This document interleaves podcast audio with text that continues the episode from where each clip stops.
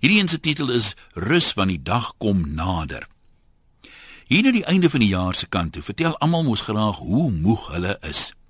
Die interessante ding hiervan is dat mense wat hierdie jaar maar gereeld water getrap het en met die minimum probeer wegkom het, net so moeg is soos die wat regtig hard gewerk het en stroom op moes swem om kop bo water te hou.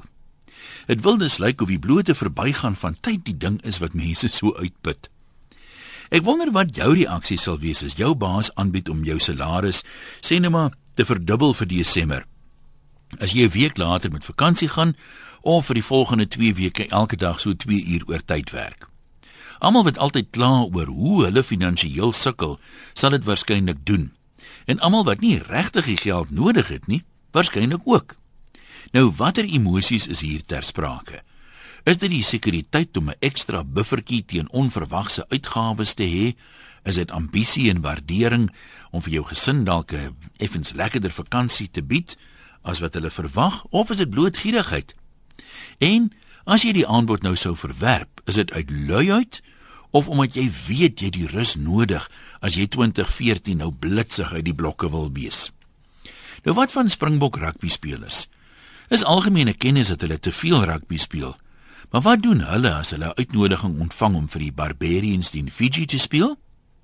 Een ekstra wedstryd in Europa, 'n week nadat hulle kosbare tyd saam met hulle gesinne kon begin deurbring het. Wat doen hulle? Almal aanvaar dit. Die Bulls het hulle spelers verbied om deel te neem omdat die Unie voel hulle moet eerder rus en die risiko van beserings vermy kan 'n speler na 'n lang seisoen dan nie self so besluit neem nie.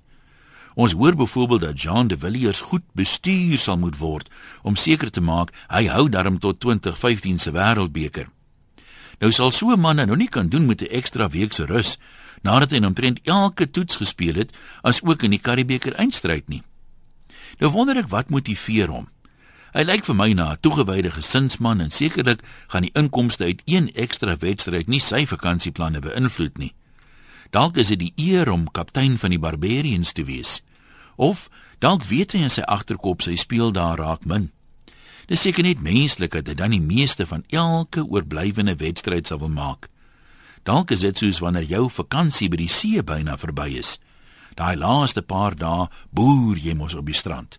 Al is die weer hoe goeie. Groete van oor tot oor. Anoniem.